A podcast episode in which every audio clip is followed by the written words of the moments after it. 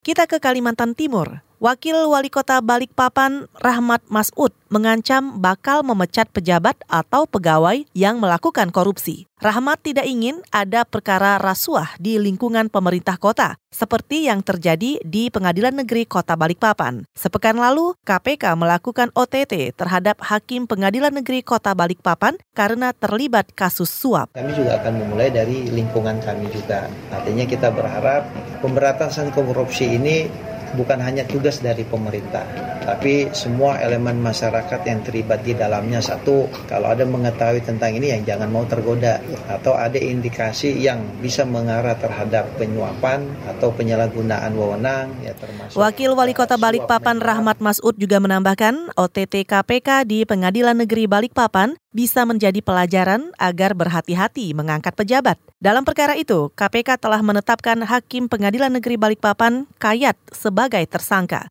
Kayat diduga menerima suap untuk membebaskan tersangka kasus pemalsuan surat.